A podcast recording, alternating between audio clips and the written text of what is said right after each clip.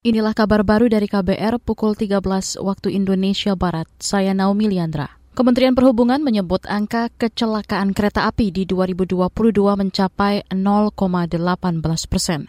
Menurut Direktur Jenderal Perkereta Apian di Kemenhub, Rizal Wasal, angka ini turun dari tahun sebelumnya yang mencapai 0,23 persen. Kemenhub kata dia tengah fokus mewujudkan zero kecelakaan per kereta apian. Secara rasio kejadian kecelakaan kereta api menurun untuk per 1 juta kilometer tempuh di tahun 2022 sebesar 0,18 yang sebelumnya di 2021 0,2023. Kami harapkan di 2030 nanti akan terjadi penurunan sehingga akan kepastian terhadap uh, keselamatan di perkereta apian.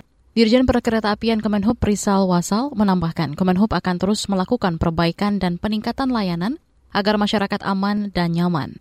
Dikutip dari laporan Komite Nasional Keselamatan Transportasi atau KNKT, ada tiga kasus kecelakaan kereta api sepanjang 2022.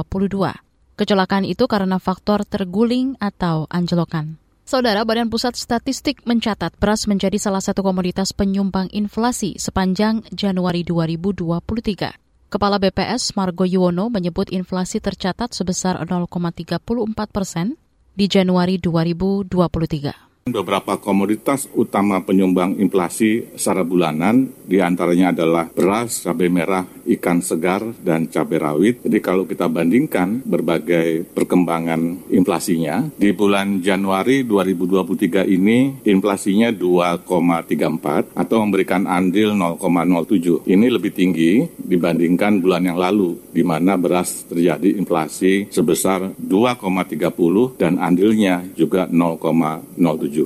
Kepala BPS Margo Yuwono menambahkan inflasi di Januari 2023 ini lebih rendah jika dibandingkan inflasi Januari 2022 yang mencapai 0,56 persen. Kelompok makanan, minuman, dan tembakau menjadi penyumbang inflasi terbesar di Januari 2023 ini. Beralih ke berita olahraga.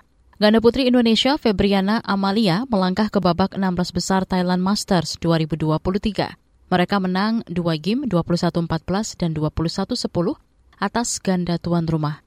Tidak Pron Pacacom.